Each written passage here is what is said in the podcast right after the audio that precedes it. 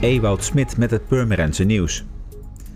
Aan de Herengracht is maandagochtend rond 9 uur een grote brand uitgebroken.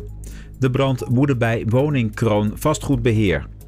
Bij de brand kwam rookontwikkeling vrij en men werd gewaarschuwd om uit de rook te blijven. Bij de brand vielen geen gewonden. Wel werden er sloopwerkzaamheden aan het pand uitgevoerd om de brand volledig te kunnen blussen. Nadat de brand onder controle was, heeft de brandweer het pand geventileerd. Hoe de brand kon ontstaan is onduidelijk. Afgelopen zondag is de Purmerense judo-zwaargewicht van judoclub Kodokan, Hendrik Koppen, eerste geworden op de All Japan International Open 2019. Koppen is op judo-reis door Japan en won al zijn drie wedstrijden van een Japanse tegenstander met een ippon.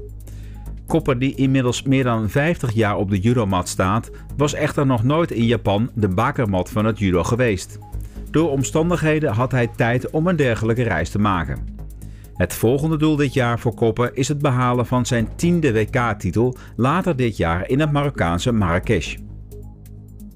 Samen met het Gilde Purmerend brengt de gemeente 12 vlogs uit over de historie van de stad en haar 155 monumenten.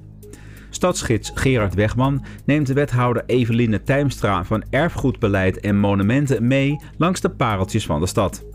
De eerste zes vlogs zijn te zien vanaf maandag 27 mei om half vijf middags. Na de zomer volgen de andere zes. En voor meer nieuws kijk of luister je natuurlijk naar RTV Purmerend, volg je onze socials of ga je naar rtvpurmerend.nl